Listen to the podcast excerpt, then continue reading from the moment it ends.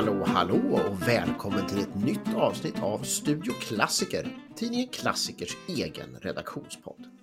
Jag heter Karl Egelius och idag är vi inte mindre än fem personer i vår virtuella studio. Ja, vi är fortfarande tvungna att spela in på distans, men vi hoppas förstås att vi snart kan samlas på riktigt igen.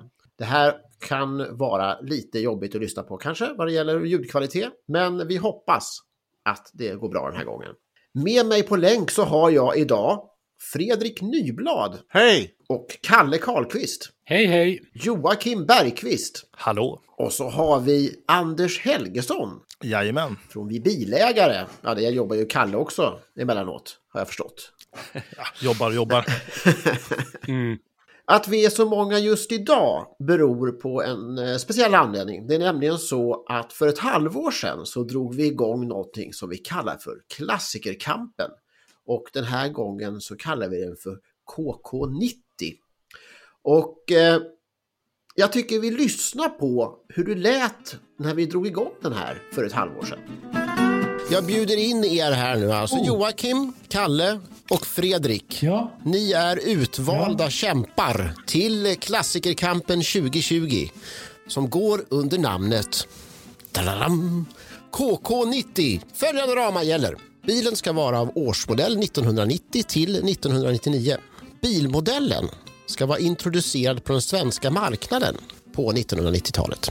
Alltså säljstart på 90-talet. Så det duger inte att komma dragandes med några 80-talare som har lyckats överleva decenniegränsen. Som huvudregel så gäller alltså modellserien som helhet. Men skulle du tycka att du kan argumentera för att en facelift eller uppdatering är tillräckligt stor för att den här, det ska räknas som en nylansering, ja, då kan du ju chansa. Bilen ska vara svenskregistrerad, den ska vara besiktigad minst fram till 2020 12 31 och den ska vara körklar. Mindre reparationsbehov, ja det kan, det kan förekomma. Men det, om dessa reparationsbehov, eh, eh, om, det, om den finns så ska de antingen kunna helt ignoreras eh, och att man kan hoppa på, hoppas på självlagning. Eller så ska de eh, kunna eh, åtgärdas tämligen snabbt inom en vecka. Och detta ska då ske inom den kostnadsram som ni snart kommer att få. Och budgeten för varje deltagare är 20 000 kronor. Ja, hur kändes det här då Fredrik, när du fick det här beskedet? Det var ju jättekul. Det är ju, man vill ju alltid köpa bilar och, och att göra det för någon annans pengar är ju ännu roligare. Så att det, det var ju fantastiskt kul. Ni lät lite eh, frånvarande ganska omgående där. Jag tror att alla började knäppa på någon form av eh, sökmotor för att eh, leta reda på eh, eh, rätt bil direkt. Kalle, vad, var det, vad gick du in på först? Eh, jag gick in på Opel först förstås och tittade. Eh, nu kunde jag ju dem utan till så jag behövde inte eh, gå in i mobiltelefonen överhuvudtaget utan jag bara gjorde en snabb bläddring i hjärnans Rolodex. En snabb inre sökning. Men det fanns ingenting där. Det var alldeles tomt. Joakim, hur tänkte du då? Du sa ju, du påstod att du, du påstod att du berättade vad du tänkte då, men du måste ju ha tänkt något helt annat, eller hur? Så intelligent är inte jag. Nej, men däremot, jag sa att jag hade hittat en bil med mobiltelefon och jag hittade faktiskt en, vill jag minnas, tror det var till och med var en BMW 540, alltså en E39. Eh, den bästa 5-serien som någonsin har byggts. Och det var en silvermetallic, eh, väldigt kantstötta fälgar, träinlägg, hade gått 30 000 mil och den hade mobiltelefon. Så den kändes helt rätt. Den lite svårprutad visade sig senare, så att jag köpte ju det andra kvalitetsmärket från Tyskland istället. Ja, det var ju så att en vecka senare så sågs vi och då kom ni inrullande i varsin bil och eh, ni visste inte om vad, vad, vad ni hade köpt för någonting. Eh, Eh, och vi visste inte heller om det, jag och Anders som då var eh, domare i det här. Eh, Anders, vad trodde du att eh, de här deltagarna skulle dyka upp i för någonting? Jag hade ju hoppats på eh, kanske en A-klass faktiskt. Det är ändå väldigt mycket 90-tal och eh, även, det vet jag, det är helt osannolikt, men hade det inte varit trevligt att se en liten Opel Safira där ändå? Ja, A-klass tror jag faktiskt både jag och Kalle var inne på, för det är väl en, jag vill inte använda uttrycket ikonisk, men vi gör det ändå, ikonisk 90-talsbil. Men eh, jag tror vi kollade på samma bil jag och Kalle. Eh, digitalt tittade på bilen. Stod Ja. i Värmland, den var, fanns ingen plåt under dörrarna ungefär. Där var trösklarna och golvet borta i stort sett. Och lite svår, lite svår att köpa den bilen. Det var inte den mest aktiva bilfirman. Stämmer. Och jag tittade på en A-klass lillebror på en Smart förstås. Ah. Eh, som också stod i Värmland någonstans och var... Eh, den såg så... Man tittar lite närmare på bilderna så var den väldigt sunkig. Eh, så att, eh, nej. Ja, man har 20 000 kronor och, eh, att köpa bil för, det är ju jätteroligt, men att man har bara en vecka på sig, det kanske är lite stressande. Eh, Fredrik, vad, hur tänkte du? Ja, Jag ville ju köpa något som var roligt, men, men framförallt ville jag ju köpa något som var möjligt att hitta i, på lämpligt avstånd och, och, och som var kul och bra skick och sådär. Och det, roliga, det lustiga var ju att, att flera av de som jag försökte få tag på, säljarna, till och med en bilhandlare, var ju svåra att få tag på. De, de var liksom ointresserade av att sälja det de hade. Så att det, det, det landade också, det var också en del i mixen av att det blev den bil det blev till slut. För att jag fick inte tag på en bilhandlare som hade en jättefin Saab 900 NG och jag fick inte tag på en herre i Bromma som hade en eh, Volkswagen Golf Cabrio. Eh, men så fick jag ju tag på en annan istället. Du köpte alltså en Volkswagen Golf Cabriolet. Mm. Hur fick du tag på den? Den fanns på Blocket Ja, och den kostade mycket mer än budget. Så jag tänkte att man ska ju inte pruta på telefon, det tycker jag själv är otrevligt om det sker. Eh, men nu, jag berättade förutsättningarna helt enkelt för, för säljaren och sa att jag vill inte slösa med din tid, utan jag säger som det är, att jag har en budget här och om, om, om ja, du har ju ett annat pris på, på Blocket här, så att om, om, du, om det inte är möjligt så, så, ehm, så, så är det ju ingen idé att jag kommer ner och tittar på den. Eh, men det var det, så att jag lyckades pruta 6 000 kronor ut på telefon. och hur mycket lyckades du pruta på platsen då? Nej, då prutade jag inget mer faktiskt. Vi var ju redan överens, så det var ju väldigt enkel affär sen. Ja, då är man ju lite låst också, då ska man ju betala, Ja. betala det. Ja, det ska man göra. Ja. Absolut. Om, om, men jag hade ju möjlighet att, att åka därifrån om, om, om det, läget var så. Men det tyckte jag inte. Jag tyckte den gick jättefint och, och det regnade ju så vackert så att den var ju jättefin i karossen också. Så att det, det var ju bra. Ja, det blir ju väldigt fina. Mörkgrön kaross blir väldigt fin av regn. Ja, precis. Joakim, du körde något liknande pruttrick, men du åkte lite längre så din, eh, din in- investering i det här var ännu större. Ja, nej, men jag gillar heller inte att pruta på telefon. Jag tycker det känns lite fräckt sådär. Men vi pratade ganska länge, eh, jag och eh, frun i den här familjen som hade haft den här bilen i många, många år. Ehm, och så berättade jag förutsättningarna och så sa jag att vi kanske råkar nämna att vi kanske ska fixa till bilarna lite, den som vinner och sådär. Råkar jag nämna i förbifarten. Du lovade en helrenovering. Lätt uppfräschning och det tycker jag ändå att vi mötte delvis. Men, men, Ja, du har tvättat den flera gånger. Eh, I alla fall. Eh, och då sa hon att hon skulle återkomma inom en halvtimme och sen när det gått exakt 30 minuter så blev jag uppringd. Eh, och då sa de att vi, vi har accepterat det här nu. Eh, vi tycker att det är roligt om den får lite uppmärksamhet, vår lilla TT som de uttryckte. Och då begav jag mig upp till Värmland.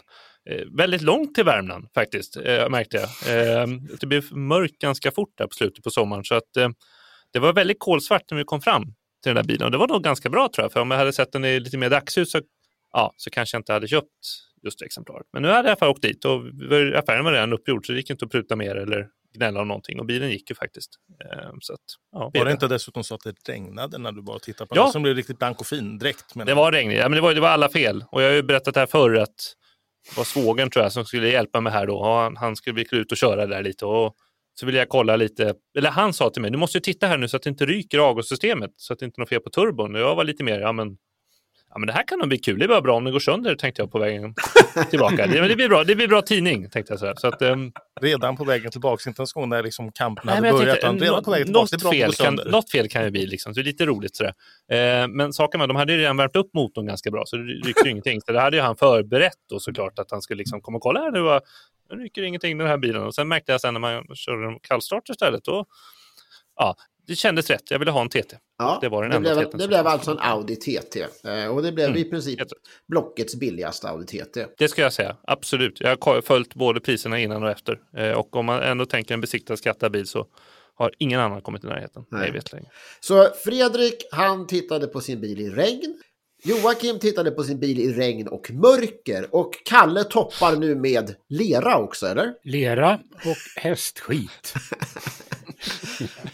Och regn och Eh, mörker. Och regn och mörker naturligtvis. Och Ja. nästan tom tank. Ehm, nej men jag, eh, jag vet ju hur jag fungerar och det finns två saker att framhålla då. Det första är, eh, jag tänkte att eh, jag ska inte köpa en bil för den stipulerade budgeten utan jag tänker mig en bil för ungefär halva det priset. Så har jag redan i starten en konkurrensfördel, tänkte jag. Så att jag tittade inte på bilar för runt 20 000 utan jag tittade på bilar för runt 10 000. Men då blev det ju lite svårt. det finns ju Det driv, driver av bilar för 10 000 som är av sådant märke och sådan modell som man inte vill ha. Oavsett klassikerkamp eller ej. Eh, men då, plötsligt in från vänster så kom det en bilmodell som inte alls hade föresvävat mig. Eh, därför att det finns ju bara femcylindriga sådana. Men det, den här kom insvävande med sex cylindrar under huven, nämligen då en Volvo S80 2,9. En tidig eh, rackare, eh, chassinummer långt under 1000 till råga på allt. Och i lanseringsfärgen, den här metallicröda, som jag minns så väldigt väl från de där åren när S80 var ny. Jo, och då vet jag ju hur jag fungerar. Jag kan inte åka och titta på en bil utan att köpa den. Jag tror aldrig jag har gjort det. Det har nog aldrig hänt. Eh, så att eh, eh, jag rustade mig till tänderna med plånbok och en son som skulle köra eh, den bil som vi kom dit i hem så kunde jag köra den här S80 hem. Eh, Och precis så blev det. Vi halkade runt där på- på stallbacken utanför Upplands Väsby i någon halvtimme eller någonting och jag lyste med ficklampa, jättestark sådan, i regnet, i leran och i mörkret och eh, jag kunde inte hitta några fel på bilen. Då, då. Leran såg bra ut. Då. ja. Eh, Så vi köpte den för naturligtvis och sen så åkte jag ner till eh, macken i Upplands Väsby och tankade fullt 80 liter. Oh. Halva bilens värde. Mm. Ja visst, och sen var ju det näst, de nästan borta när vi kom till Uppsala. Så vanligt var det väl ändå inte, var det det? Nej då, så, var, så farligt var det inte. Den gick drömmen. Och den såg ju drömmen ut på alla sätt och vis. Förutom att eh, den, den röda lackeringen hade bleknat till eh, inkokt laxfärg över bakpartiet. Men detta var någonting som du upptäckte då nästa morgon. Ja, absolut. Kalle, när du vaknade nästa morgon och tittade ut genom fönstret, var så där, men vem har ställt den där liket där ute? Precis. Och sen kommer uppenbarelsen. Precis. Ja, ja, men den där tanken har ni väl fått någon gång. Man känner liksom hur blodsockret faller, eh, svindeln träder in och man tänker, vad har jag gjort? Fast riktigt så allvarligt var det inte. Den gick jättefint bilen. Och vad betalade du alltså? Jag betalade 9500 kronor, oprutat och klart. Precis. Så att vi hade, du, vi hade en eh, eh, total budget på 60 000 kronor att köpa tre stycken 90-talsklassiker för. Och när eh, dammet hade lagt sig så hade vi gjort av med 49 500 kronor Eh, i kollektivet. Så alla lyckades att köpa en bil inom en vecka och alla lyckades ta sig med denna bil fram till eh, Bankhus 90 i Rissne där vi träffades. Det var en viss förvåning över vad folk hade valt för någonting. Alla trodde ju att Fredrik skulle välja en Volvo. Alla trodde att Kalle skulle välja en Opel.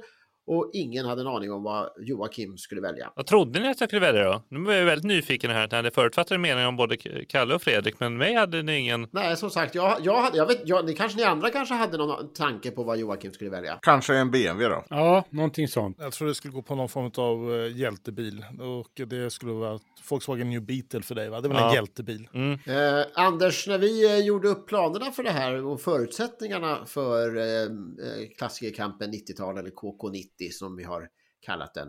Eh, då hade vi ju ett antal lite hemliga kriterier också som vi eh, eh, tänkte oss för vad vi skulle premiera. Kommer du ihåg dem? Jag minns att det var väldigt trevligt att förbereda det här. Eh, Men, men jag kommer inte ihåg så mycket av förberedelserna i övrigt. Jo, men vi hade några kriterier. Eh, Bland annat var det ju... eh, Ska vi gå in på det här? Eh, det här med pe- pengarna var ju e-, e-, ett kriterium, ett grundkriterium som jag tycker egentligen är lite märkligt kanske att eh, vi premierar då att Kalle har köpt en billig bil. Men eh, egentligen kanske när man köper en klassikerbil så vill man väl inte vara snål, men man vill kosta på sig. Så jag, man skulle ju också kunna tänka sig att den regeln var tvärtom. Så att Kalle gjorde ju ändå en liten chansning där att lågt pris var bra, men det hade ju också kunnat vara negativt. Vi brukar ju ofta säga när vi kör köpguider och sånt att, att eh, köp den dyraste, finaste bil du kan. Det gjorde ju Kalle också. Så att, ja. Det tror jag inte faktiskt. Det var första bästa.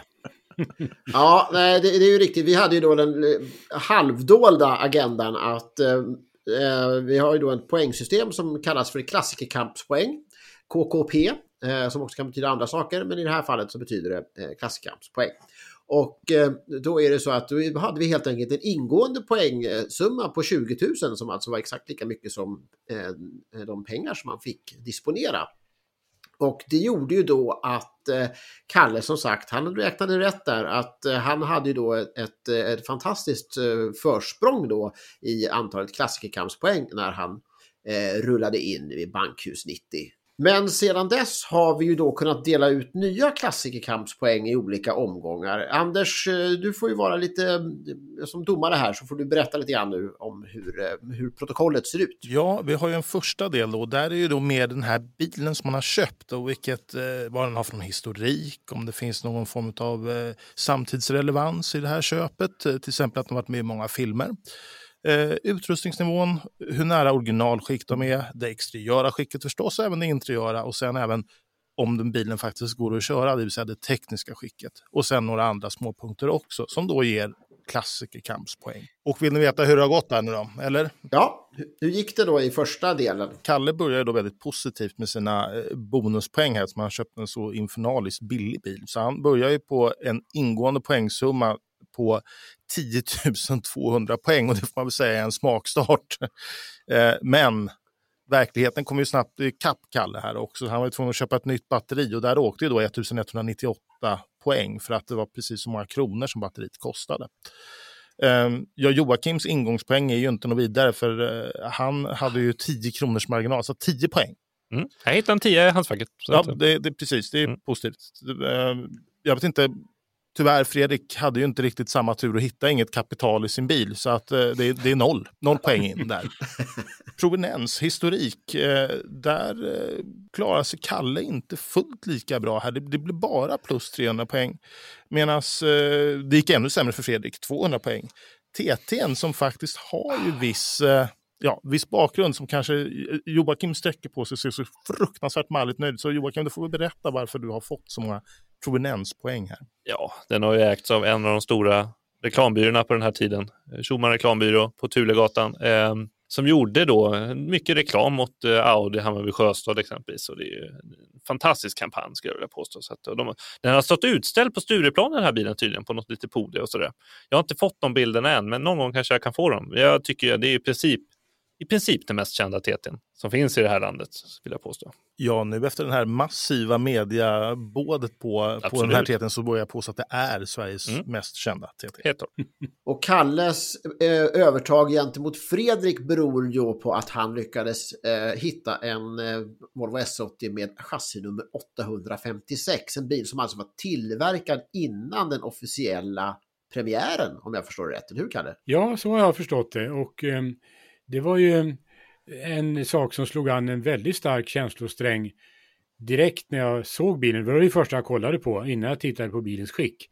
Det är ju man böjer sig ner och tittar på nummerskylten så ser man ju chassinumret. Så det avgjorde ju saken direkt innan jag hade börjat spana där i mörkret. Jag förstod att det där, det där kommer att löna sig som en investering på sikt i klassikerkampen. Jag kände det. Ja, eh, det tar vi med en nypa salt tror jag. Mm. Kalle vann ju även eh, utrustningsronden med knapp marginal. Vilket är helt otroligt. Ja, men det, det, det är protest. Ja, jag har ju elsufflett för tusan. Ja, men det är väl det. Ja, Fredrik har ju faktiskt, jag vill ändå tillägga det här nu, det är nu fel att jag ger Fredrik cred efterhand här, men han har ju faktiskt elektriskt infällbara backspeglar. Det är inte vanligt på en Golf 3, Golf 4. De fungerade visserligen inte, men det, knappen sitter där. Hade jag det? Det hade jag ingen aning om. Fredrik, den där suffletten. Jag provade att försöka öppna och stänga den där en gång när jag var själv i bilen utan din assistans. Det, det var ju inte bara att trycka på den där knappen faktiskt. Ah, inte riktigt kanske. Det var det visst det. Då, då var det handhavande fel. Dessutom ja, hade jag en Tonå. Ja, det är så sant. Ja, det var fina Barn. tillval. Men jag, jag, förstår fortfarande inte det. Jag tycker gärna domarna får förklara här. Hur kan jag få färre poäng för utrustningen på min TT kontra Volvo S80? Jag vet nästan exakt lika mycket lyxutrustning. Jo, men Volvon hade väl... Det. Karl, jag kan inte förklara det här. Faktiskt. Jo, men jag kan förklara. Jag, kan. jag, jag, tittar på dig. jag kan förklara det. Detta är ju inte en sketen femcylindrig Volvo S80, utan detta är ju fast... en sexcylindrig Volvo S80. Ja, fast det var ganska ofta femcylindrig, Kalle. Ja, men det kan vi återkomma till. Eh, ja. Nej, men grejen med Volvo S80, det var ju att den placerade sig, den hamnade ju på toppen av svensk bilindustris historia, precis direkt. Eh, och var en lyxbil. Den, hade, den var till exempel först i världen med sidokrockgardinerna. Mm, mm. Mm. Den hade, hade i alla fall låsningsfria bromsar. Men det hade, hade alla våra bilar att vara tänka Ja. efter. Men okej, ja. eh, antispinnsystem. Det hade jag också i och för sig kan jag tillägga, men ja, fortsätt. Ja. Ja, och när vi ändå nämner det där antispinnsystemet på TT så får vi också notera att Joakim hade bara antispinnsystem, inte antisladd och inte heller spoiler. Så att den var ett extremt originalutförande, alltså före chassimodifieringarna. Ja, det måste det får, kanske tycker jag tillhör henne på proveniensen. Nu tog inte upp det själv, men eftersom att du ändå tog upp ämnet så kan jag fortsätta skryta här då. Det här var ju en av ytterst två Audi TT som inte har blivit tillbakakallade. För Audi TT hade ju en tendens att snurra av vägen med mindre roliga konsekvenser. Ehm, om nu inte själva avsnurringen av vägen var tillräckligt mindre rolig, men ja, i alla fall. Så att den här bilen återkallades aldrig, så den fick aldrig det nya säkra chassit, den fick aldrig något ESP-system, den fick aldrig andra krängningshämmare och den fick aldrig någon spoiler på bakluckan. Nej. Att, Och du eh, undrar varför du inte vann utrustningsronden. Jag tror att vi nästan, för att det är ju faktiskt mer logiskt att folk som har sufflett och BBS-fälgar vinner över de andra två. Nej, aldrig i det livet. nej, det behöver har ju inte ingen vara. utrustning överhuvudtaget. Den har ju knappt dörrhandtag den där bilen. Jag har en lyxkupé. Läderinredning, Bose-system. Det- Vi pratar liksom bara ratt och krockkudde. Allt finns i den där bilen. Mm, hur bra funkade sätesvärmen? Funkade jättebra efter att Mm. limma knappen. Men just precis. Så nu är den på max på högersidan. Men vi kan väl ändå motivera Volvon. Ljus läderinredning med manuell växellåda. Det är, det är ju någonting. Nej, men- nej, men nu har domarna bestämt så här i alla fall. Så att nu går vi vidare och tittar här på originalskicket. Det är ju väldigt viktigt när man har en klassisk bil. Det vet man ju så fort man kommer på en träff och eh, någonting avviker, då får man ju höra det direkt. Eh, och även eh, det exteriöra skicket är ju viktigt. Och hur, hur tycker vi att, eh, som domare, hur tycker vi att de har presterat där då, Anders? Ja, men jag tror att alla som har sett de här bilarna förstår ju att Golfen är ju som om den hade lämnat fabrik igår jämfört med de andra. Ehm, så att det är inte så konstigt att ändå kammar hem 400 poäng medan det går lite sämre för då till exempel TT'n. Så där mycket originalrost var det inte. Ehm, så att skick exteriör eh, till exempel då för TT'n, det blir ju 100 jämfört med Golfen som var 800. Och en, en Ehm. sak som, som faktiskt spelade in också på detta, det var ju att Volvon hade ju fel fälgar. Det var ju V70-fälgar på den. Ja, inte bara V70-fälgarna. Den här hemska eh, nian som var där bak. Det var väl en upp och nervänd sexa från en Peugeot 607. Det är absolut inte original Volvo i alla fall. Jag är som generös natur så jag kan bjuda på det där. Okej, hur tänker du då, Kalle, nu när Anders ska börja prata om det exteriöra skicket då, och bedömningen där? Hur generös är du? Ja, får vi se vad Anders säger, men jag kan bara säga att det var väldigt mörkt den dagen. ja, det var mörkt, gyttigt och blött. och, och blött är ju väldigt bra för din bil, Kalle. Spe- Absolut. verkligen Kalles bil, för att den saknar ju ganska mycket klarlack. Eh, och, och, och vatten ger ju en fin blank spegel över de där små flagorna som fanns kvar av originalklarlacken. Så att, Mm. eh, det gynnade ju bilens utseende vid regn, kanske inte vid torrt. Eh, så att det blir ju 100 poäng där, Kalle. Tack så och det, mycket. det är ju, Tack, tack. ja, visst är det generöst. Det är faktiskt lite Jag hade generöst. trott på Jag vet inte om det är 22 du som har- poäng kanske. kryddat på där egentligen. Ehm, Men som sagt, golfen står ju i en klass för sig. Men det beror ju också på det exteriöra skicket här, fem meter pratar nu om. Det beror ju på att Fredrik hade ju lagt ner ett hästjobb på att polera den här karossen. Så att eh, det var ju lite, ja, lite lurendrejeri också. För det visade sig sen när vi Nej, fingrann... det var väl ingenting som sa i det. Det var, det var lite, bara lite färg och lite andra medel inblandade. Ja, och 300 timmar med tungt arbete med polermaskin tror jag. Det Nej, såg faktiskt väldigt, inte. Den var väldigt Men, färg, färg var inblandad kan jag säga. Men ehm, vi gick ju in lite mer och fingranskade den där karossen sen på, på golfen och det visade sig att den hade varit utsatt för någon mycket aggressiv eh, garagegranne sannolikt. Det var otroligt mängd upp- dörruppslag och även småbucklor längs karossidorna på den där. Men det Ehm, syns ju inte på fem meter. Så det var ju... Nej, nej det, det gjorde det ju inte det. Tack och lov. Ja. Eller, ja. Ja, så det här, den här delen då, det kunde man då... eh, Del, det här var ju då alltså del två i eh, Eh, klassikerkampen som man kunde läsa om i nummer 10 2020 eh, i klassiker. Det var ju inget snack om vilken bil som gick segrande ur den här ronden eftersom Kalle fick föra med sig sitt poängöverskott med tanke på att han hade betalat mycket mindre. Eh, men om man räknar bort det så tror jag att det var golfen som vann klassikerkampen del 2. Ja, det stämmer. Golfen, eh, tack vare Kalles batterifadäs här så, så har ju faktiskt golfen gått segrande ur den här första delen. Om man inte räknar inköpsprispoängen.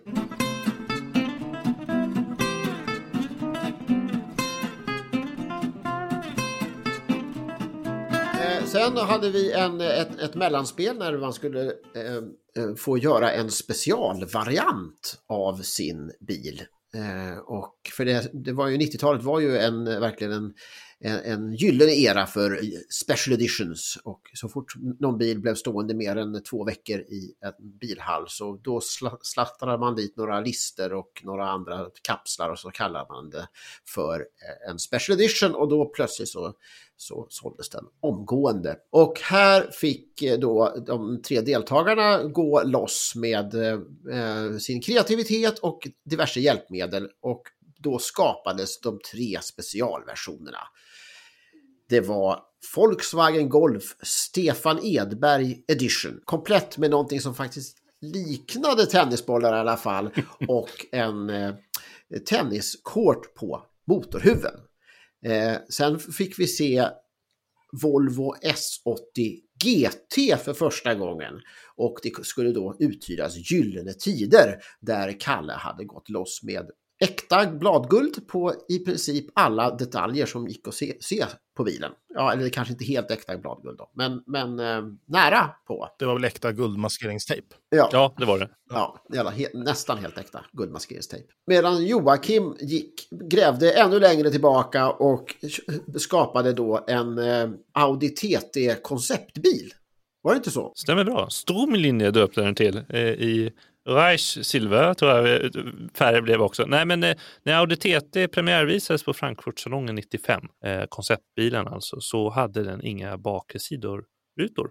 Utan det var bara den enda rutan som fanns på sidan av bilen var ju de som satt i själva dörrarna som hade också en väldigt halvcirkelformad ruta. Och då ville jag återskapa det här och då var det så att jag tog fram maskeringstejp eh, och så tejpade jag för bakrutan och lite av dörrrutan och så sprayade jag på lite sån här gummifärg i silver som påminner om resten av bilens silver. Så nu så det, när man kisar lite på 50 meters håll så ser det faktiskt ut som konceptbilen. Ja, vi var väldigt mycket lik. imponerade och det gjorde ju att vi som domare, när vi, ja, vi, har fortfarande, vi har inte delat ut poäng i den här grenen än, men det tänkte vi Nej. göra nu, eller hur Anders? Ja. Ja, Sverige, vi har ett resultat. Vi, vi börjar i botten och verkshöjden för S80 GT kanske inte...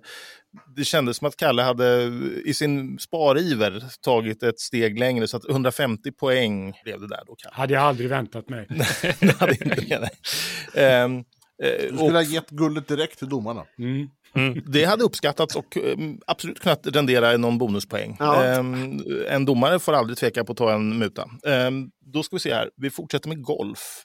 Ehm, vi ger 350 poäng. Det var en fin verkshöjd här för den här Stefan Edberg edition. Och jag ser ju framför mig att om man har en Stefan Edberg-väskorna kvar från 1990-91, där, då är det bara det att langa in, och in med tennisracket och iväg till Båstad. Det var ju en eh, nackdel där att de här eh, bollarna flög bort från motorhuven i 12 kilometer i timmen. Eh, så det var ju en anledning till att det kanske inte, han inte kom på första plats så att säga. Ja, Ja, men det, det är bollarna som ska vara snabba, inte bilen. Det, det, Vet ni hur snabbt man kan serva? bollarna var snabbare än bilen ändå. Ja, men det där var väl, eh, fattar jag det som, ett försök till att höja säkerheten för den här öppna cabrioleten med en limiter, alltså sån här fartlimiter. Så, så fort man kommer över 12 då vet man att man kör för fort för då släpper bollarna. Ja. Det, var inte så, det var inte så du tänkte Fredrik? Precis. Då kan vi stå kvar vid poängen tycker jag. Ja. Vi eh, lyfter eh, vidare till nya höjder, verkshöjder. Ehm, ja, City Stråmen tänkte jag säga, men det, det, det är en annan modell. Men ehm, TT'n där, 500 eh, poäng. Mycket väl utfört. Men framförallt så gillar jag begränsningen i produktionsvolymen på den här modellen. Mm. Och det var att Audi garanterar att de inte tillverkade fler modeller än vad de skulle sälja. Och det tycker jag är ett riktigt tydligt ställningstagande. Mycket bra. Ja, tack. Jag vet inte var jag ska börja någonstans. Jag, nämner inga namn så glömmer jag heller inte bort några. Men vi har arbetat hårt för att få fram den här Stromi-linjen. Så att, eh, och den har sålt i, ja det finns ju inga kvar nu eftersom att vi tog bort färgen. Men det hade kunnat bli en succémodell ska jag gissa på. Och för er som undrar hur den här såg ut, då, om ni inte har tidningen framför er. Tänk en TT Roadster, Mm. fast med kupélinjen. Där har ni den. Så precis så ser formen på fönstret ut. En TT Roadster fast med hardtop kan man säga. Fast med halvkombilucka. Ja, det blir krångligt. Ja, det blir- Mycket bra. Eh, och vi, kan, vi kan passa på att klämma in med ytterligare en rond som vi då inte har eh, meddelat poäng i än, eh, rent officiellt i alla fall. Och det var ju nämligen så att deltagarna fick i uppgift att efter att de hade köpt sina bilar så skulle de också anordna en 90-talsträff för andra, för, för likasinnade 90-talsentusiaster. Och eftersom eh, restriktionerna ser ut, såg ut och ser ut som de gjorde så blev det här en, en begränsad kvalitetsutställning kan man säga med föranmälan och eh, hemlig plats i Stockholm. Och vi lyckades eh, hålla precis det här antalet eh, deltagare i, på 50 personer, precis som vi hade som restriktionerna sa. Och det betyder att det kom ett 30-tal fantastiska 90-talsbilar. Och en uppgift av de som var, deltog i träffen, det var att de skulle rösta fram sin favorit bland de tre klassikerkampsbilarna. Och där fick vi in faktiskt 2400 röster. Var det inte, va? Nej, jag skojar bara. Vi fick in 50 röster och eh, när vi hade räknat dem första gången, andra gången och tredje gången, eh, det var ju Fredrik som räknade dem, eh, så framstod vi då en bil som segrare och eh, Mm. den mest populära bilen kan vi ju vänta med då, men den, den som fick minst antal röster, det var ju eh, Audi TT. Konstigt nog. Har man hört. Medan Volvo eh, kom tvåa. Men överlägsen segrare på denna lilla 90-talsträff som vi höll då i, eh, på sensommaren 2020. Det blev ju alltså Volkswagen Golf Cabriolet. Vad tror du det beror på Fredrik? Att jag noggrant hade valt ut de som skulle komma på den här träffen. Ja, det var ju Fredriks fanclub som kom dit. Det hade man ju kunnat tro skulle hjälpa Kalle, men det, eftersom det var många Volvo-vänner. Men, men det, det gjorde det tydligen inte. Publiken belönade ju Fredrik här med maxpoäng.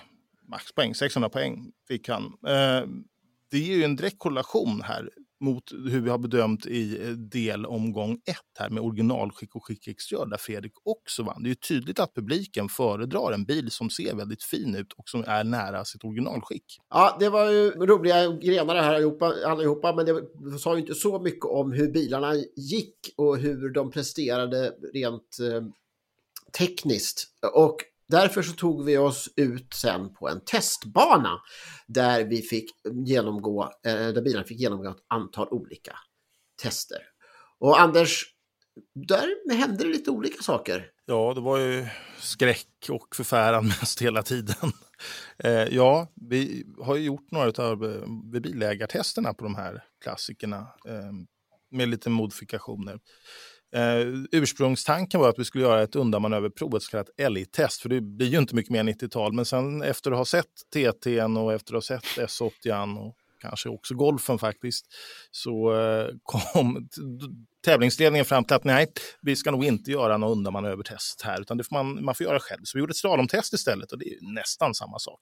Men då fick ju då ägarna köra sin egen bil visa vilket stort förtroende de hade för materialet. Och eh, störst förtroende eh, och mest dumdristig var ju Joakim då, som med 600 poäng tog slalomsegern. Eh, Joakim kanske vill kommentera sitt åk här genom den här slalombanan. Ja, jag kan inte påstå att det var perfekt. Genom femte porten så lite för fort in. Eh, handbromsvändningen eh, satt skapligt, men det var en viss delay där innan man, jag gick på gasen igen, eh, vilket man kan se på de här filmerna. Men om man jämför med Kalle Karlqvists båt eh, så eh, ja, då gick den ju ganska smidigt ändå. måste ändå säga att jag är imponerad över Kalles förmåga Ja, att lotsa den här eh, nästan fem meter långa plåtpråmen genom en ganska tajt eh, konbana ändå. Ja. Kalle, upplevelsen bakom ratten. Eh, ja, jag, jag tänkte ju först att här har jag naturligtvis en extrem fördel. Vi har ju kört sådana här konbanor, jag vet inte hur många hundra gånger eh, under min så kallade karriär. Eh, så att eh, eh, jag tänkte det här blir väl en enkel match. Men, eh, och det hade det kanske varit med en ny S80. Eh, jag kan bara säga att kolla era stötdämpare, kära vänner, innan ni ger ut på några mera dramatiska övningar med er bil. För att eh, det hade inte jag gjort. Men annars så tung och alldeles för lång. Jag säger som rallyföraren. Eh, speed was all right, corner too tight. Vi får tillägga faktiskt här som Kalle säger att det finns då ingen annan människa i det här landet som hade kört den här komålen lika fort med den där S8. Kan vi säga. Det var väldigt effektiv körning. Och med tanke på att någon blockerade målfållan också. någon som satt kanske eventuellt i en TT. Jag var eh, så måste startklar. man säga Jag ska- att eh, tiden var väldigt bra. Ni förstår ju som lyssnar här att det här var väldigt, väldigt professionellt och vetenskapligt utfört det här slalomtestet. Sen fick eh, Anders den stora äran att göra en accelerations och bromsmätning på alla bilarna och eh, det slutade med eh, både skratt och förskräckelse. Ja, ibland önskar jag att man kunde kommunicera lite mer så här kollegor emellan innan man ger sig in. För jag, det var ju faktiskt, eh, ja, jag hoppade in i TT'n och jag tänkte det här, det här kommer ju gå toppen det här. Och det, accelerationen gick ju jättebra. Den är ju snabb, fortfarande snabb bil. Men den var inte många tiondelar av fabrikssiffrorna. Mycket tack vare nya däck tror jag, för den hade jättebra fäste. Men bromsförmågan blev ju ett byxbyte kan man ju säga. Jag glömde att berätta om den lilla detaljen där. Men det var Du väl... gjorde det Joakim?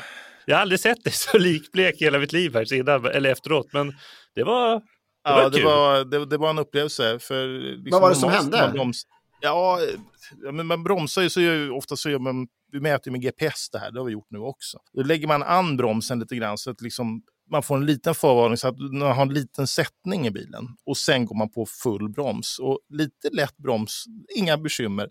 Men sen när det blir full broms, då, alltså full ABS-broms eh, helt enkelt, då ville TT'n göra ett akut filbyte om det hade varit en vanlig väg. Nu var jag på ett flygfält, men den flyttade sig då nästan tre meter i sidled, kraftigt bara höger. Den gör lite som den vill ibland faktiskt. Ja. Jag tror det var åt höger den här gången. Den är lite, det är en tysk bil. Så att, ja. Och är farten ganska hög så blir det lite obehagligt, särskilt när det inte finns någon spoiler heller. Va? Jag hade märkt det själv. Men det berodde, berodde detta på att bromsarna tog ojämnt eller? Eh, ja, ja, Något det kan man ojämnt. säga. Ja. Och de låg lite här och där och sådär. Men... Eh, Och accelerationsmässigt så var väl inte golfen så mycket att eh, hänga i gran. Den hade ju något fel. Jag- Visst Fredrik var, kom fram till att det var en luftmassemätare som var lite... Ja, den var, var lite konstigt kopplad sådär. Så att det, ja, di- din siffra var ju sämre än min Austin Cooper från 1967 på 0 till 100. Alltså jag förstår, det var ju fruktansvärt långsamt.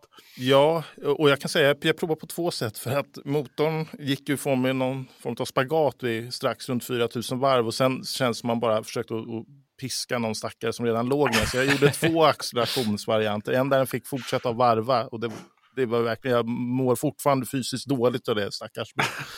Eh, men även då en när jag nöjde mig med 4000 varv och sen växlade upp. Och sanning att säga så gick det ju faktiskt fortare om den inte varvade högre än 4000. Mm. Så att någonting, den, den var inte helt frisk. Men bromsarna, förvånansvärt bra. Jätteobehaglig känsla, jättedegiga, inte alls trevlig. Men 17 var den stannade snabbt. Bra ABS. Kalles bil då? Gick det där? Eh, bra ABS sa jag. Eh, det kan man ju inte säga att Kalles bil hade. För att eh, den här accelerationsmanövern gjorde ju då kant i kant med bromsen. Så att när jag gjorde den här accelerationen så fick du något elektroniskt överslag i den där bilen. Så att eh, ABS-bromsarna, ja, det tändes en ABS-lampa. Det reflekterar inte jag över. Och så bromsar jag. Så att eh, lite av Kalles däck ligger väl kvar där ute på Lunda flygfält fortfarande. Men eh, vi startade om den här bilen och då vaknade det där Cambus-systemet till liv igen. Så att sen bromsade den jättedåligt ändå. Precis. Men Ja. lite bättre. Vi kortade bromssträckan tror jag, med 30 meter jämfört med inte ABS i alla fall. Så att det, det, det är alltid något. Men det gick inte så jättebra. Jag tror Kalle fick, vi ska ta poängen. Acceleration 350 för Kalle och 400 i broms eh, för Fredrik. 100 poäng i acceleration, 600 i broms. Och acceleration för TT 550, bra. Eh, och Tack. noll i broms för att den var ju Ja. livsfarlig. Ja, det här var en spännande dag på, på eh, testbanan i alla fall och eh, då fick vi verkligen se vad de här eh, bilarna gick för. Eh, och eh, när dagen var slut så hade faktiskt Kalle och Volvo S80 tagit hem eh, totalpoängen. Och det gör att när vi nu står här inför den sista ronden som eh, vi ska avgöra idag har en poängställning som eh, där det skiljer sig ganska mycket mellan bilarna. Anders, hur, hur ser det ut? Ja, man skulle kunna säga att spänningen är olidlig, men... Det eh, vore en lögn. Nej, det är den ju inte. Den är helt orimlig. Precis. Helt rätt Carl. Det är avgrundsstora skillnader. I botten så hittar vi Audi TT 4834 Inte alltid välkänta poäng, men ändå poäng. Eh, golf, Fredrik, 5883. Ganska välförtjänta poäng skulle jag ändå säga. Högsta poängen här, och det är ju definitivt då den här klassikerkampens absoluta mesta vinnarskalle, Kalle, för han gjorde ett genidrag med att spendera lite mindre pengar på sitt köp och på så sätt få in en ganska stor skopa poäng. 10 000 poäng i liksom startkassa, då, då sitter man ganska säkert i toppen. Och det gör ju Kalle då med 14 611 poäng. Grattis Kalle, än så länge. Tack, tack. Men nu kommer ju twisten då. Och det är ju att slutresultatet beror på hur mycket pengar man får för sin bil när man säljer den. Och som jag har förstått nu så har alla tre sålt sin bil. Kan det stämma? Ja, Eh, ja, Ja, Att sälja en bil i den här prisklassen är kanske inte alltid helt enkelt. Eh, Kalle, vad hade du för strategi? ja, ska jag dra, verkligen berätta den? Eh, jag hade ju ett eh, givet eh, försteg där med mitt låga inköpspris naturligtvis.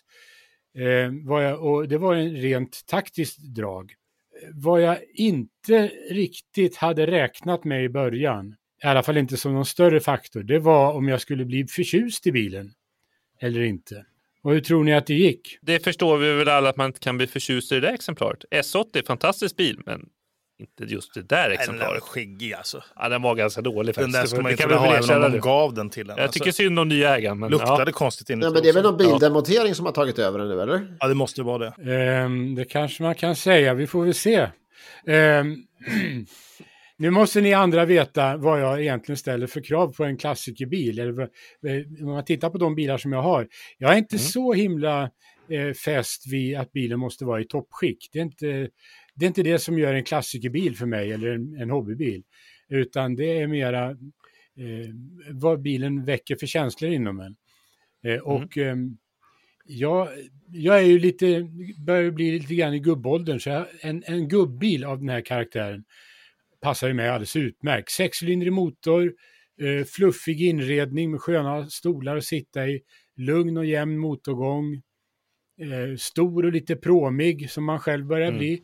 Eh, så, så att eh, jag, ju mer jag har kört den här bilen, så har jag över, desto mer har jag översett med reper och eh, laxfärgat bakparti och Ja. eh, vad det nu har varit. va. Sen så gick den ju Vänta sönder. nu. Men, ja, Va- ja, va- va- Vad är det vi börjar höra här? ja, men, Vilken- ja, ja, men han måste ha köpt den där 2,9 som dök upp på Blocket för 15 Den 000. där jättefina blåa. Ja, exakt. Den, Den var, var fantastisk. Den var Grattis jätte... Kalle, jag var den sugen på det själv den också. var faktiskt. 1908. Ja, Den som dök upp precis typ tre dagar efter klassikerkampen började. exakt. Precis. Ja, den var suverän. Roligt, en ja. bra köp Ja. Ni är något på spåren, men eh, ni är på fel spår. Jaha. Eh, så vart är vi på väg, eh, tror ni? Ja, det känns kanske som någonting håller på att börja spåra ur faktiskt. Om, om... det kan, väl vara så. Ja. Ja, jag kan säga att jag har bedrivit ett nollsummespel eh, med allihop. Har du bytt Eh, bilen? Till... Eh, Bytt bilen? Nej, jag har inte, jag har inte bytt Har du, bilen. kör, körde du en inlösen? Helförsäkring Ja, inte- inlösen? Nej. inte helförsäkring inlösen, men eh, jag har helt enkelt eh, betalat förre ägaren en viss summa. Om jag säger så. Eh, Va, vänta nu. Håller du på att säga att du har köpt den? Jag köpte bilen.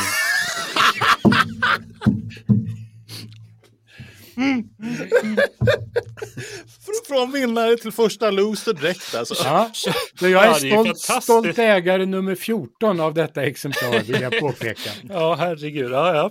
Vad betalar du dig själv då? Ja, som jag sa så var det alltså ett nollsummespel. Eh, så att eh, ni kan, ni kan eh, ni- eh, 9500 kronor. Eh, Vi, vi justerar poäng. Och det vill jag säga, det, det visar ju bara, det har inte ni förstått, vilken fin Volvo S80 detta är. För den ligger alltså i den eh, övre kvartilen för, för eh, S80, på på S80-marknaden just nu. Eh, det finns ju gott om exemplar som håller på och badar nere vid 2, 3, 4 tusen, va? men inte min. Inte. Okej, då återför vi alltså 9500 poäng till eh, din poängställning och du kommer alltså, då hamnar alltså Kalle på 24 111 klassiker på kampspoäng. Try that on your pianola. Okej, det låter ju mycket spännande. Men eh, Fredrik, har du lyckats sälja din bil då? Hur gick det till? Ja, jag ägnade eh, en lång eh, eftermiddag åt att eh, återigen tvätta och polera bilen och sen så ägnade jag en hel kväll åt att ta jättefina eh, annonsbilder. En helt komplett serie med, med framifrån, bakifrån, inifrån, utifrån, eh, allting. Mm. Eh, och sen så frågade jag en, en eh, läsare och eh, Volkswagen-vän om, om, om det möjligtvis var så att eh, han som ju redan hade en Golf Cabrio, eh, kunde tänka, eller en Golf Country, eh, om han kunde tänka sig att eh, köpa bilen. Och eh, han hade ju en betänketid på säkert eh, 30 sekunder och eh, så vill han ha den. Eh, så att eh, jag sålde den med vinst. Vinst till och med. Ja, Vänta sålde nu. den med vinst. Bra jobbat. Du prånglar på dina vänner din gamla bil och dessutom gör vinst. Har de inte Ja. läst tidningen? De har inte fått de här till numren där du skriver om bilen, eller? Nej, ja, just det. Jag såg till att han inte fick de numren. Nej, förstår. Ja. Mycket klokt. Får man fråga hur, stor blev vinsten? En krona. Ah, okay. ja, det, det är rimligt. Det är rimligt. Vilken ja, placerare. Så att jag sålde den för 20 000 en krona. ja, men det är en värdeutveckling, absolut. Okej, ja det är bra. Eh, och, och du hade inga kostnader på bilen? Nej, inga kostnader. Det är ju fantastiskt. Jag tog lite saker från min egen hylla, men de gav jag bort till mig själv. Ja, det var ju väldigt generöst av dig själv. Mot dig själv. Mm. Ja. Och då Anders, vad, vad hamnar vi på då för poäng för Fredrik? Ja, slutpoängen då med den här extra bonuskronan. Eh, det blir 25 884 poäng för Fredrik och Golf Cabrio. Och då slår han alltså Kalle. Ja, som jag får det så har han slagit Kalle med eh, 1700 poäng någonting. Klart svårslaget. Eh, Joakim, eh, hur, du hade lite bekymmer med TT'n på slutet eh, här och lite kostnader. Vad, vad var det som hände? Nej, men det, det var det här med besiktningen. Eh, Det var ju ett av kraven när vi köpte de här bilarna att det skulle vara besiktat till sista december 2020. Eh, Och det, det var ju min bil också. Så att, eh, det gick över årsskiftet och jag kände att jag måste besikta bilen om jag ska få några pengar tillbaka för den här, för den kanske har blivit lite sämre i skicket som vi köpte den av oförklarliga skäl. Ehm, Så kände jag att jag måste få igenom den här besiktningen. Eh, och då var det ju, då åkte jag och besiktade bilen ehm, och då väldigt trevlig besiktningsman så att han sa väldigt mycket trevliga saker och sen i andra sekunden så hittade han massa fel. Eh, och då hittade han två grejer. Bindeleden vänster fram, den var klappslut och broms, handbromsen vänster bak tog inte heller. Så då åkte jag hem, kollade på den budgeten jag hade kvar, 10 kronor. Eh, det räckte inte till några nya delar, men jag beställde hem så att det gick lite, lite över budget där och hittade någon riktigt suspekt utländsk sida som lovade expressleverans. Eh, och då fick jag delarna eh, nio timmar innan jag skulle besikta, eh, en månad senare alltså. Ehm, och så i panik så satte jag på de här sakerna, nya spindelleder och eh, smorde upp bromsoket vänster bak för att få det att fungera. Och det här kan vi läsa om i senaste numret av Klassiker. Ångesten framgår ganska tydligt tror jag i den där texten. Eh, det var lite tajt med tid, eh, men jag kom dit fem minuter för sent och bilen gick självklart inte igenom för då hade de hittat ett nytt fel på den istället. Um, så då åkte jag tillbaka och då hade jag spenderat massa pengar på besiktningar och eh, delar och allting. Och så kände jag, nej, nu lägger jag ut en annons på Blocket. Um, och så tog jag in lite för fina bilder kanske sådär på den. Så det var väldigt, väldigt, väldigt, väldigt många som hörde av sig. Jag fick totalt, jag räknar precis här i telefonen, 97 meddelanden har jag från 97 olika personer på Blocket i deras app. Men du, du, du har in pressbilderna från 1998 eller? Nej, men jag la in alltså, eh, bilderna från vår Joakims bilder var studio. bättre än pressbilderna. Ja, det vet jag. Jag la in var studiobilder. Och sen var det så att du skrev att det var den första unika konceptbilen på Audi TT. Ja, jag, jag, alltså, jag, jag Strålvilja. ljög inte i annonsen, men den var välskriven, den var lång och eh, ja, det var det kanske, den skilde sig, urskilde sig från motsvarande Audi TT, alltså andra Audi TT i motsvarande prisklass. Ja, för de, på de övriga som eh, vi såg, de hade de ju inte ens skrapat rutorna på när de tog eh, bilderna. Nej, det var en, den var tagen på höjden såklart som alla fotograferar med mobiltelefon och det är inget fel med det. Eh, Jo. väldigt litet, ja det är lite fel, men det går att ta skapliga bilder med mobiltelefon, men i det här fallet så var det inte så skapligt, den var lite litet hörn så, här, så såg man nästan en pilmodell att där uppe står det auditeten. Eh, och så var det fyra ord i texten eh, och, och lite sådär svårförklarligt. Så att folk fick ju nästan en chock. Många av de här meddelandena var ju liksom, hur har du tagit de här bilderna eller har du snott bilderna? Eller så här, nej, nej, men det är bilen, den ser ut så här. Och, någon blev väldigt arg för att jag sålde ett så fint exemplar så billigt. Eh, I alla fall, och några kom och tittade på bilen och då var de inte riktigt lika imponerade längre. Konstigt nog, förstår inte varför. Eh, men till slut, en söndagkväll, så kom det en far och en son där sonen skulle köpa sin första, första bil. Oh. Och vi tog en liten provkörning och jag hade ju varit ärlig och lite för ärlig kanske med berättat alla grejer som fanns på den. Det var lite defekter och sådär, men jag har också tagit fram fördelarna med den fina inredningen och så vidare. Så åkte vi ut, gjorde en provkörning. Vi satt tre i bilen, ganska tajt. Um, Och du sa, iväg och- lyssna på stereon ordentligt nu, sa du. det var ju det de hade gjort mot mig när jag försökte lyssna efter missljud från hjullager och sånt där. Då drog de ju på stereon. Det gjorde faktiskt inte jag, utan jag påpekade missljudet att det där behöver nog fixas till. Eh, så ärlig är jag när jag säljer bil. Eh, och pappan där vänder sig mot mig och säger, går det att pruta på något sätt? Det är lite annorlunda sätt att pruta på. Om man, man frågar om det går att pruta, då brukar det inte leda så mycket. Men jag, jag fick sån ågren för de här. Han ska köpa sin första bil och här står jag med världens vrak. Fast när jag börjar jämföra med vad de andra kostade och hur de andra såg ut så är den fortfarande mycket, mycket finare än de andra för de här pengarna.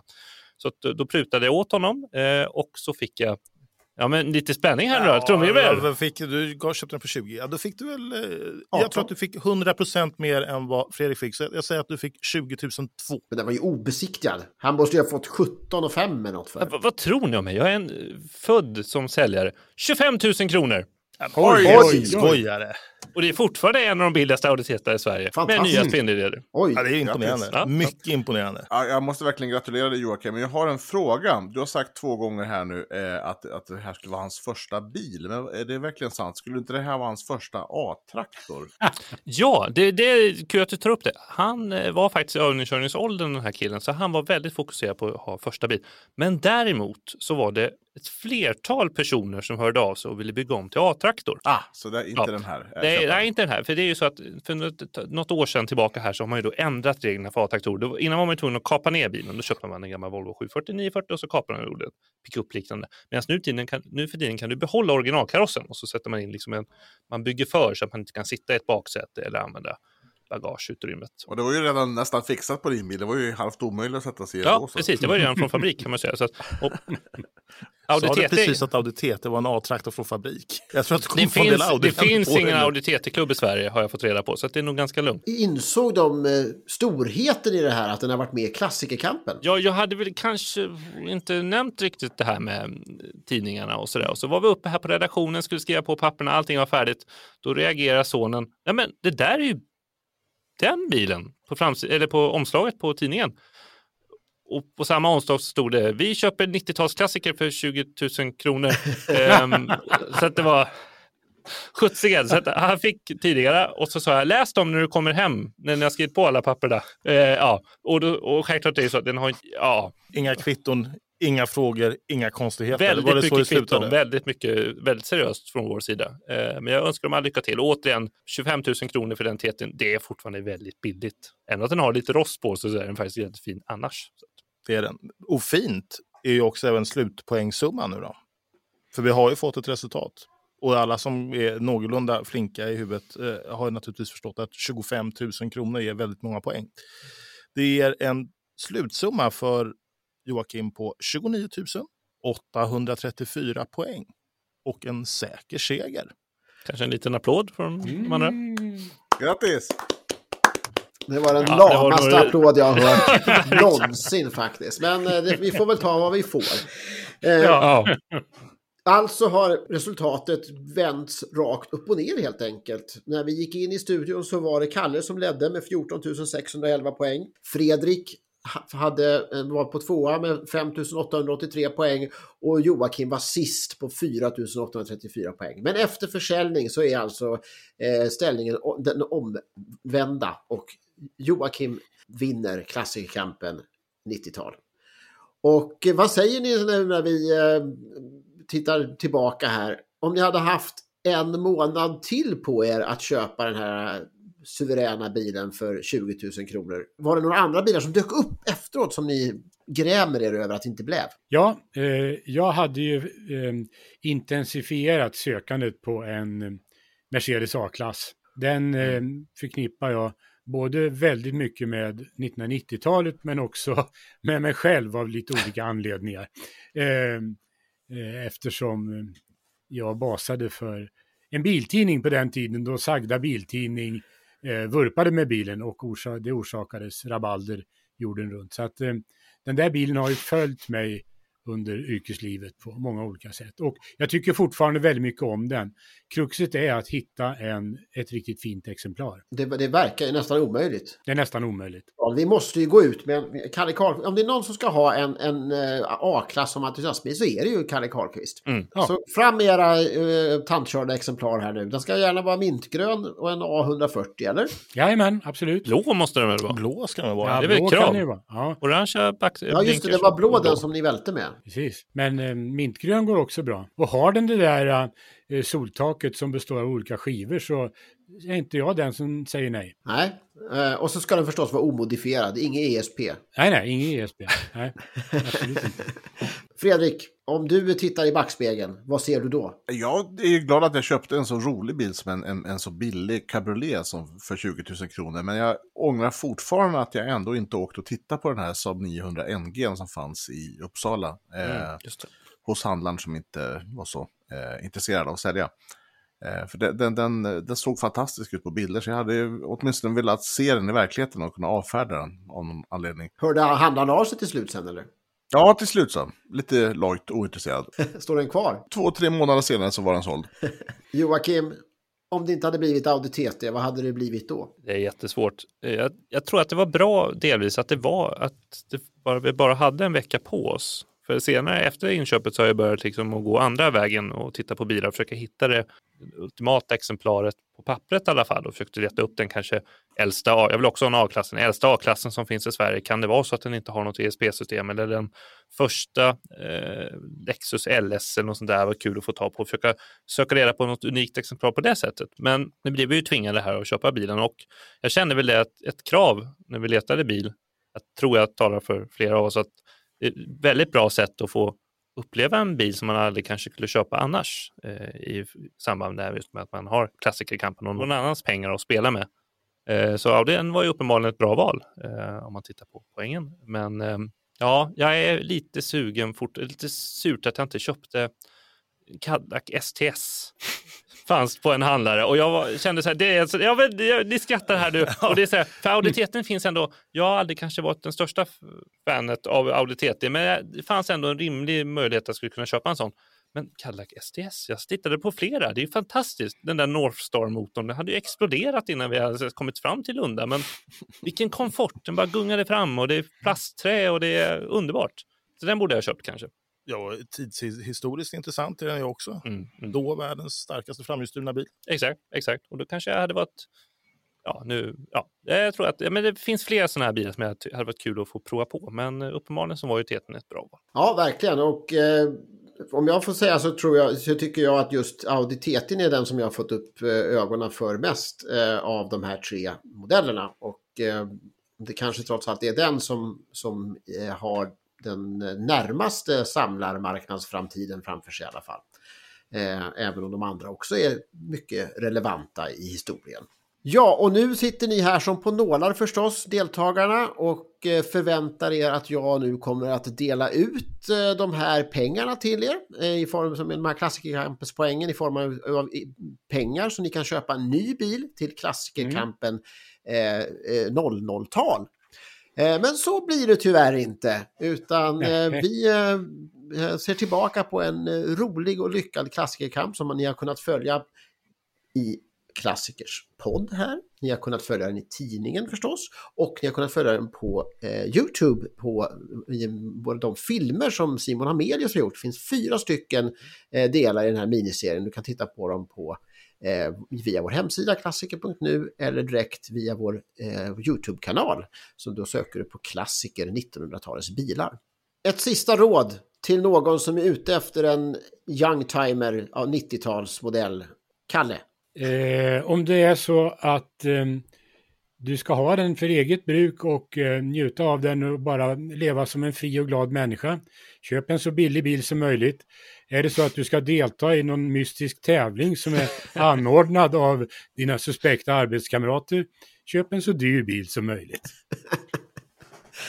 Fredrik, Jag tycker man ska köpa en så rolig bil som möjligt. För det är det som är grejen. Att, att eftersom de här eh, är precis innan de vänder värdemässigt så har man ju chansen att, att köpa någonting som kan vara kanske lite starkare eller lite mer taklöst eller någon, lite mer exklusivt än man annars skulle haft råd med kanske. Så det är väl det man ska gå efter tycker jag. Ja, och Anders Helgesson, vad säger du? Vad skulle du ha köpt om du hade fått vara med i den här? Det skulle vara jättekul om det gick att hitta en Toyota Celica för de där pengarna, men mm. det tror jag det inte gör tyvärr. Men det skulle vara kul med en japan. Eller varför inte, jag, jag skojade inte när jag sa tidigare Opel Safira. Minibuss är otroligt mycket 90-tal rent generellt och de kostar i stort sett ingenting. Så hittar man en fin sån så är det, du kommer vara kung på klassikerträffen om 20-30 år. För att de kommer inte finnas kvar. Mm. Så varför inte en minibuss? Valfri sort egentligen. Här bryter jag in och säger att jag håller med. Tack för det, Kalle. och jag skulle tagit en Toyota Previa i så fall. Ja, oh, fantastisk. Men en bakhjulsdriven då, ingen fyrhjulsdriven. Joakim, ja, du har ju vunnit, så du får sista ordet. Man ska inte köpa den bilen som är, precis som Kalle säger, ska du vara med i en suspekt tävling i en biltidning, köp den billigaste exemplaret av en udda spännande modell. Men gör inte det på riktigt. Det blir väl dumt. Eh, för Auditeten är en trevlig bil, men man skulle ha haft en som var lite, lite bättre. För om man väl börjar gräva, än att delarna kostar i princip ingenting, så blir det ganska mycket om man ska byta hela framvagn, bakvagn, börja laga rost, kolla över den där motorn, etc. etc.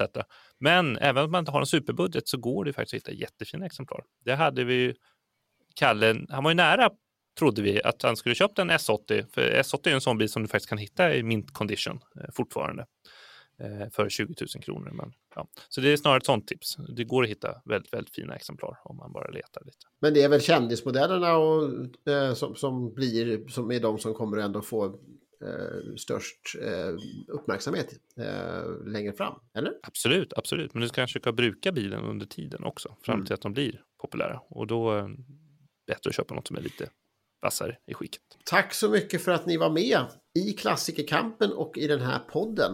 Och eh, tack alla som har lyssnat på detta. Och tack alla ni tre som röstade på min bil på träffen. Det var ju jag och Kalle som röstade på din bil. Precis. och vi kommer absolut att återkomma till 90-talarna i klassiker framöver. Det här har eh, fått upp ögonen på oss ytterligare för hur mycket roligt som ändå finns eh, som är Eh, som man ser halvgammalt men som ändå är uppåt 30 år, 30 år numera. Eh, och hur mycket roligt man kan ha för väldigt lite pengar när man väljer en bil från de här åren. Tack så mycket från Studio Klassiker för den här gången. Tack Joakim Bergqvist. Tack. Tack Anders Helgesson. Ett nöje. Tack Kalle Karlqvist. Tack, tack. Och tack Fredrik Nyblad. Tack. Och jag heter Karl Egelius. Och du glömmer inte att du kan prenumerera på tidningen Klassiker och du kan prenumerera på podden i valfri poddapp. På återhörande!